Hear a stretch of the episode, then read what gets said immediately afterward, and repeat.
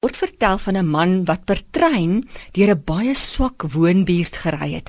Dit was vervalle en armoedig en daar was nie eens 'n ou stukkie groen tussen die geboue te sien nie. Maar sover as wat die trein gery het, het hy vir sy mede-passasiers vertel hoe mooi alles is. "Ag, is dit nie pragtig nie?" het hy gesê. "Kyk hoe mooi is die wêreld. Is dit nie wonderlik nie?" Na 'n paar minute kon sy een mede-passasier dit nou net nie langer hou nie. En hy sê toe vir hom: "Hoe op aarde kan jy dink dit is mooi? Dit is so vervalle en arm en hier's nie eens 'n boom in sig nie." En die man antwoord toe en sê: "Weet jy, ek het in my middeljare het ek begin blind word." En nou het ek 'n retina oorplanting gekry en vir die eerste keer in jare kan ek nou weer sien en besef ek wat 'n wonderlike voorreg dit is om te kan sien. 'n veteraan valskermsoldaat wat albei sy hande in die Tweede Wêreldoorlog verloor het, het ook op 'n keer gesê: "Dis wat jy het wat tel, nie wat jy verloor het nie." Ons kan tog so maklik fokus op dit wat ons nie het nie en kla en kerm oor dit, in plaas om te fokus op dit wat ons wel het. In plaas om te fokus op dit wie ons het. En dit is natuurlik die Here. Ons neem so baie dinge van selfsprekend.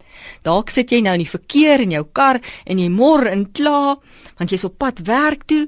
Weet jy wat? Dis 'n voorreg om 'n kar te kan hê. Soveel mense moet publieke vervoer gebruik of met met hulle voete loop.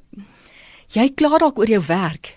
Iemand het mos eendag gesê, 'n manier om jou werk te waardeer is om jouself in te dink dat jy jou werk verloor het. Kom ons wees bly en dankbaar. Dit is wat God se woord vir ons leer. Luister wat staan daar in Filippense 4 vers 4. Wees altyd bly in die Here. Ek herhaal, wees bly.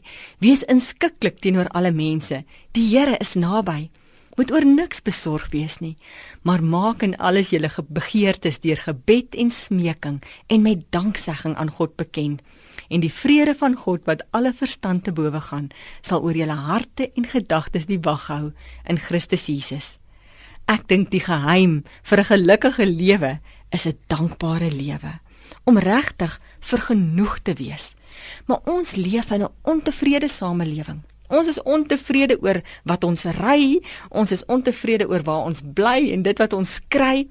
En die media help ons nie juis nie. Hulle por hierdie gevoel van ontevredenheid aan by ons. En tog sê die Bybel in Efesiërs 5:20, dank God die Vader altyd oor alles in die naam van ons Here Jesus Christus. 1 Tessalonisense 5 sê: Wees in alle omstandighede dankbaar, want dit is wat God in Christus Jesus van julle verwag. So om dankbaar te wees is nie sommer net so ou lekker warm gevoelletjie nie. Nee, dis 'n opdrag. Dis 'n Bybelse opdrag dat ons moet dankbaar wees. Ek wil jou 'n uitdagende vraag vra. Hoe klink jou woorde en hoe lyk jou lewe? Soms voel dit vir my ons as kinders van die Here kla maar net so lekker saam met die wêreld. Ja, ons as Christene moet anders wees, anders praat. Ons moet hoopverspreiders wees en dankbaar wees vir elke goeie gawe uit God se hand.